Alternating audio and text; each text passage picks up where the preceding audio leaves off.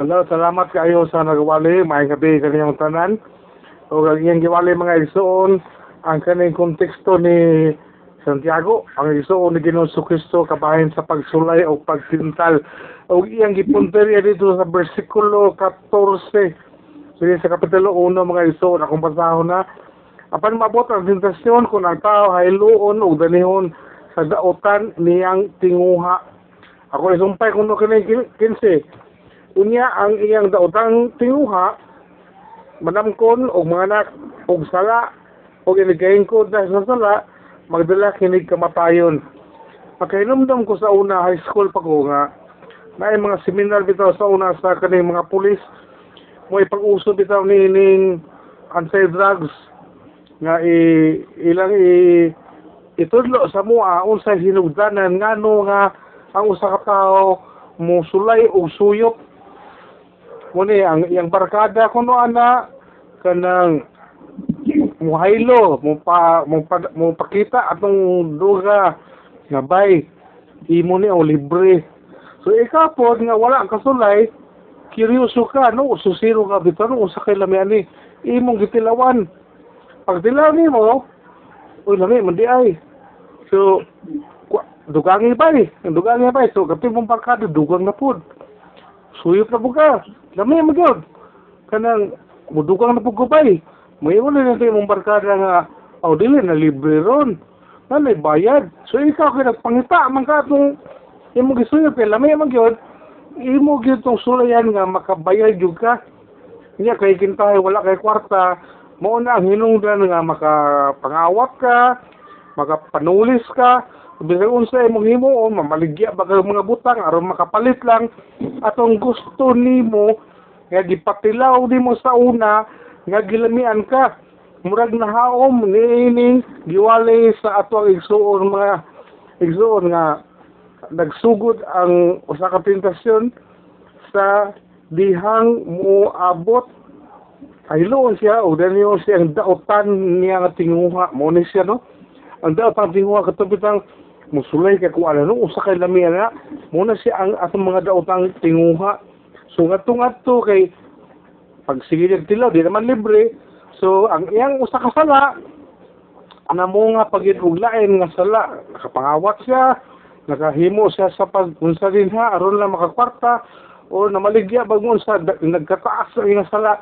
Hangtod nga niabot din sa katabusan nga inigkahingkod sa sala pagdala kini sa kamatayon sa nakasala.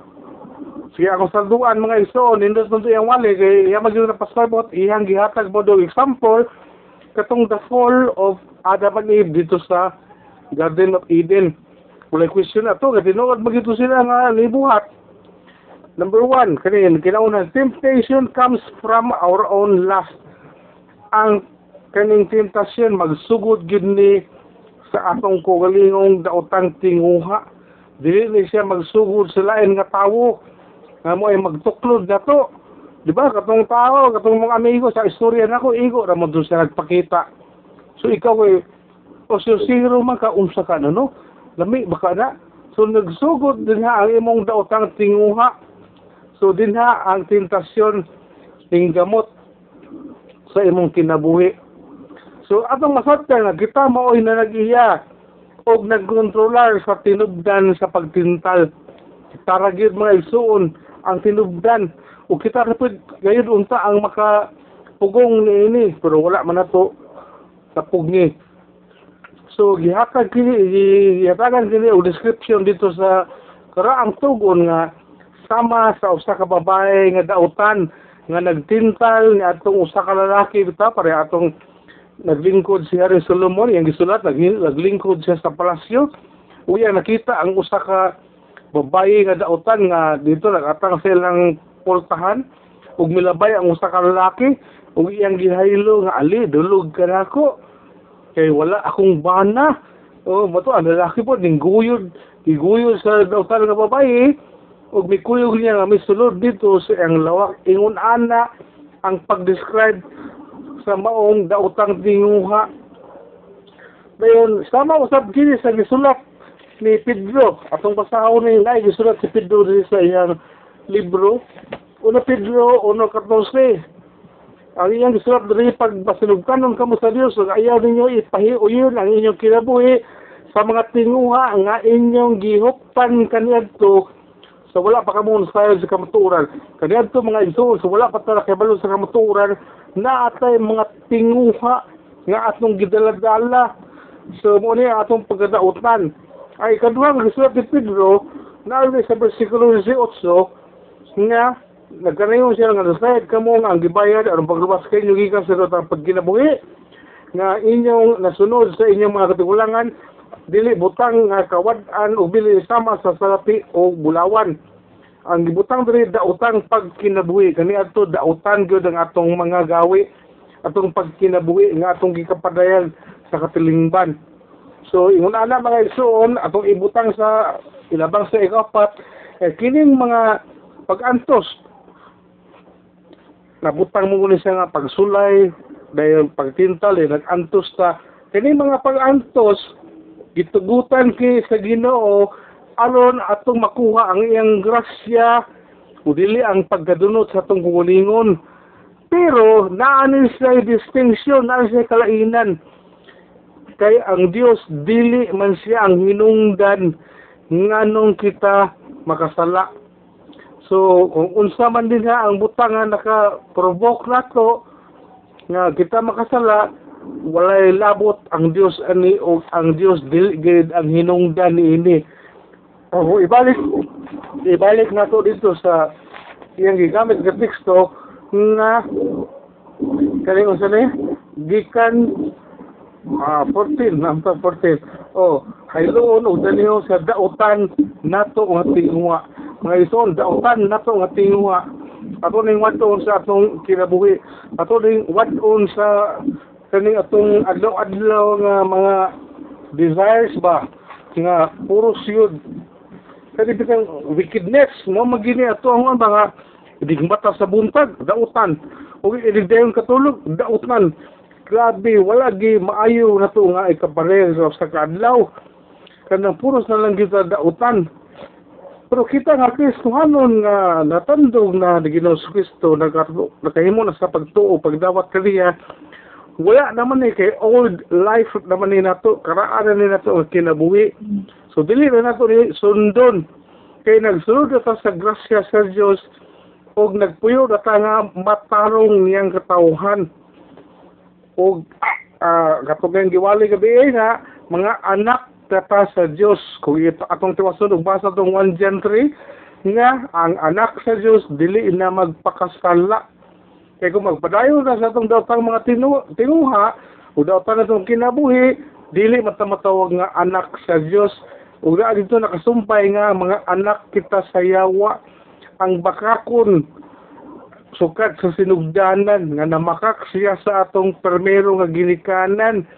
Hinungdan nga atong primero ang ginikanan iyang nalimbungan iyang nauwat o nakahimo sa paglapas sa gisuog sa Dios nga ayaw ninyo paghilabti ang bunga ni anang kahuya. So tungod ni ani mga igsoon kinahanglan aware kita. No kay naagyo sa Biblia nga ang atong kaaway sama ra man gyud sa kanang leon. Kung naglakaw-lakaw kay andam mutukob no kung ikaw dili ka abtik dili ka careful dili ka watchful at tukob ka sa leon. So kinahanglan ato na po isumpay itong gawalay na itong armor of God nga atong isulob ang hinagiban no? Ang armas katong armor of God. Aron atong maharong kini atong kaaway. Ug dili siya maka padayon sa pagpanghilabot kanato o kinahanglan hitsas kita sa pulong sa Dios kay kung bulag kita ni Kristo dili pagita mo pabilin sa iyang pulong sublangko ta so wala tay kadasig kanunay ta nga magmugtok. Dili ta makaharong sa tong kinabuhi. Abot sa mga ingon ni ini kay katong gisumpay dira naman dira sa libro ni Santiago na kung kinsa kaninyo ang nagkinahanglan og kaalam papangayo siya. Kaning mo ang kaalam nga ipapangayo ni Santiago mo ni ang kaalam nga aron ma determine nato kung sao nato pag atubang sa tentasyon.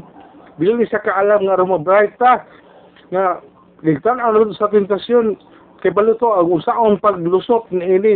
Muna siya ang giingon diha ni Santiago og ato kining pangayoon nga walay pagduha-duha nga ako ni pangayoon ihatag ba sa Ginoo magmahimo baka na ako nga mabuntog na ko ni akong dautang tinguha kaduha na ka so naglibog ka asa paingon so in the end sa katapusan uh, mugib in juga mugib juga sa tentasyon sa imong kinabuhi so daghang salamat sa naminaw daghang salamat sa nagwali daghang salamat sa tanan nga niapil karon nagpadayon walay kaluya og may gabi sa tanan sa pagkausapa o akong ibalik sa nag-MC karon sa ato ang Bible study.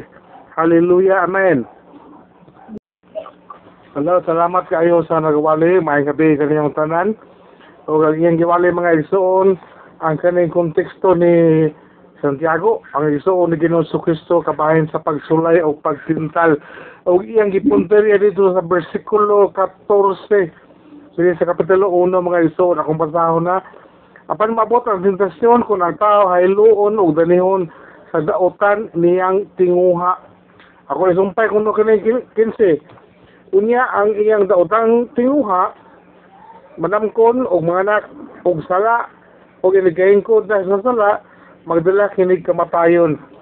Pagkainumdam ko sa una high school pa ko nga na mga seminar bitaw sa una sa kaning mga pulis mo ipag-uso bitaw ni ning anti-drugs nga i, ilang i itudlo sa mua unsay hinugdanan ngano nga ang usa ka tawo musulay og suyop muni ang iyang barkada kuno ana kanang muhaylo mo pa mo, pa, mo pakita atong duga nga bay imo ni o libre. So ikapod nga wala ang kasulay kiryoso ka no susiro ka bitaw no usa kay lami ani imong gitilawan. Pag dilaw mo uy lami man di ay. So eh dugangi ba eh so kapit mong barkada dugang na pud suyop na buka lami mo gyud kanang mudugang na pud ko eh may wala na tayo mong barkada nga aw dili na libre ron. Na may bayad. So ikaw kay nagpangita man ka itong imo gisuyop kay lami man gyud imo gyud tong sulayan nga makabayad gyud ka.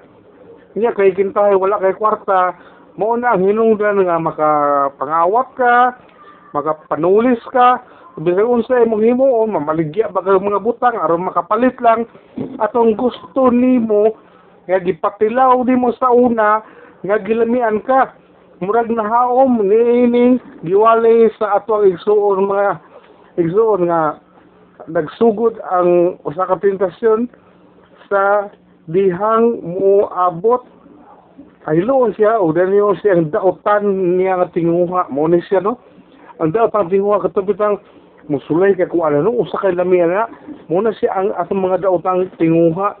So, nga ato kay pag sige tilaw, di naman libre.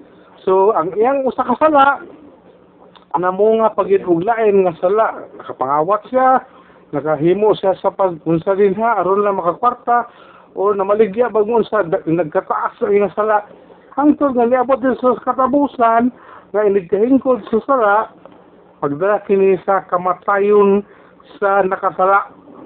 Sige akong salduan mga iso nindot mo iyang wali kay iya magyud na pasabot iyang gihatag mo do example katong the fall of Adam and Eve dito sa Garden of Eden.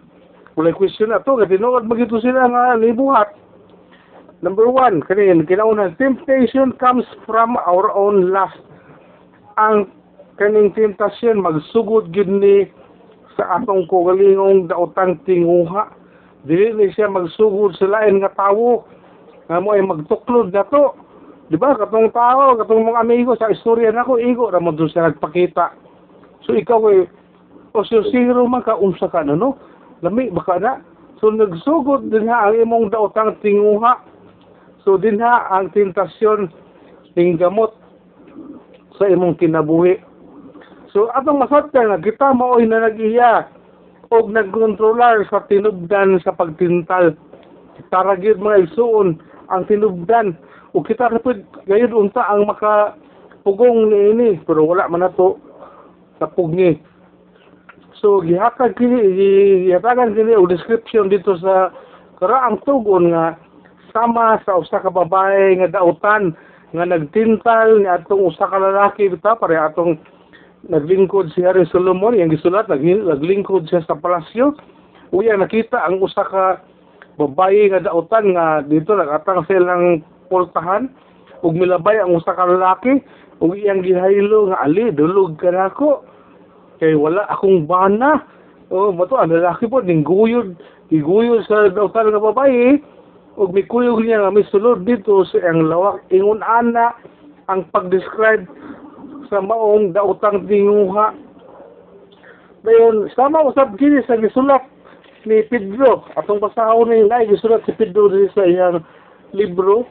Una Pedro 1:14 ang iyang gisulat diri pag basinugkanon kamo sa Dios ug ayaw ninyo ipahiuyon ang inyong kinabuhi sa mga tinguha nga inyong gihuptan kaniadto so wala pa kamo sa sa kamaturan. Kaniadto mga igsoon so wala pa tala kay balo sa kamaturan. Na atay mga tinguha nga atong gidaladala. So mo ni atong pagkadautan ay kaduha nga gisulat ni Pedro na sa bersikulo 18 nga nagkanayon siya nga nasayad kamo nga ang gibayad aron paglubas kay inyo gikan sa datang pagkinabuhi nga inyong nasunod sa inyong mga katigulangan dili butang nga kawad-an o bili sama sa salapi o bulawan. Ang gibutang diri daotang pagkinabuhi. Kani adto daotan gyud ang atong mga gawi atong pagkinabuhi nga atong gikapadayan sa katilingban. So ingon ana mga igsoon atong ibutang sa ilabang sa ikapat eh, kining mga pag-antos. Nabutang mo ni siya nga pagsulay dahil pagtintal eh, nag-antos ta. Kini mga pag-antos gitugutan kay sa Ginoo aron atong makuha ang iyang grasya o dili ang pagkadunot sa atong kulingon pero naani siya distinction naani siya kalainan? Kay ang Dios dili man siya ang hinungdan nganong kita makasala. So, kung unsa man din ha ang butang nga naka-provoke nato nga kita makasala, walay labot ang Dios ani o ang Dios dili gid ang hinungdan niini. Oh, ibalik ibalik nato dito sa iyang gigamit nga teksto nga kani unsa ni? Gikan ah 14 number 14 oh hayloon og daniho sa dautan nato nga tingwa mga ison dautan nato nga tingwa ato ning wadon sa atong kinabuhi. Ato ning wadon sa kaning atong adlaw-adlaw nga mga desires ba? Nga puro siyod. Kani bitang wickedness mo magini ato ang mga idigmata sa buntag dautan. Ug idigdayon katulog dautan grabe wala gi maayo na to nga ikapareho sa kadlaw kanang puros na lang kita dautan. Pero kita nga Kristohanon nga natandog na ni Ginoo sa Kristo nagka- nakahimo na sa pagtuo pagdawat kaniya wala naman ni kay old life naman ni nato. Karaan na ni nato ang kinabuhi. So dili na nato ni sundon. Kay nagsunod na ta sa grasya sa Dios og nagpuyo na ta nga matarong niyang katawhan. Og uh, katong giwali gabi nga mga anak kata sa Dios kung ito atong tiwason og basa tong 1 John 3 nga ang anak sa Dios dili na magpakasala kay kung magpadayon na sa atong daotang mga tinu tinguha o daotang atong kinabuhi dili matamatawag nga anak sa Dios ug na dito nakasumpay nga mga anak kita sa yawa ang bakakon sukat sa sinugdanan nga namakak siya sa atong permero nga ginikanan. Hinungdan nga atong primero ang ginikanan iyang nalimbungan iyang nauwat o nakahimo sa paglapas gisuog sa Dios nga ayaw ninyo paghilabti ang bunga ni anang kahuya. So tungod ni ani mga igsoon kinahanglan aware kita no? Kay daagi sa Biblia nga ang atong kaaway sama raman gyud siya sa kanang leon kung naglakaw-lakaw kay andam mutukob no? Kung ikaw dili ka abtik, dili ka careful, dili ka watchful, uh, tukob ka sa leon. So kinahanglan, ato na po isumpay itong gawalay na itong armor of God nga atong isulob ang hinagiban no? Ang armas katong armor of God. Aron atong maharong kini atong kaaway. Ug dili siya maka padayon sa pagpanghilabot kanato o kinahanglan hitsas kita sa pulong sa Dios kay kung bulag kita ni Kristo dili pagita mo pabilin sa iyang pulong sublangko ta so wala tay kadasig. Kanunay ta nga magmugtok. Dili ta makaharong sa tong kinabuhi. Abot sa mga ingon ni ini kay katong gisumpay ra naman ra sa libro ni Santiago na kung kinsa kaninyo ang nagkinahanglan og kaalam papangayo siya. Kaning mo ang kaalam nga ipapangayo ni Santiago mo ni ang kaalam nga aron ma determine nato kung sao nato pag atubang sa tentasyon dili siya kaalam nga rumobrayta nga ligtan ano sa tentasyon kay baluto ang usaon paglusot ni ini mo na siya ang giingon diha ni Santiago o ato kining pangayoon nga walay pagduha-duha. Nga ako ni pangayoon ihatag ba sa Ginoo magmahimo baka na ako nga mabuntog na ko ni akong dautang tinguha kaduha na ka. So naglibog ka asa paingon so in the end sa katapusan uh, mugib in juga mugib juga sa tentasyon sa imong kinabuhi. So daghang salamat sa naminaw daghang salamat sa nagwali daghang salamat sa tanan nga apil karon nagpadayon walay kaluya. O may gabi sa tanan sa pagkausapa o akong ibalik sa nag-MC karon sa ato ang Bible study. Hallelujah amen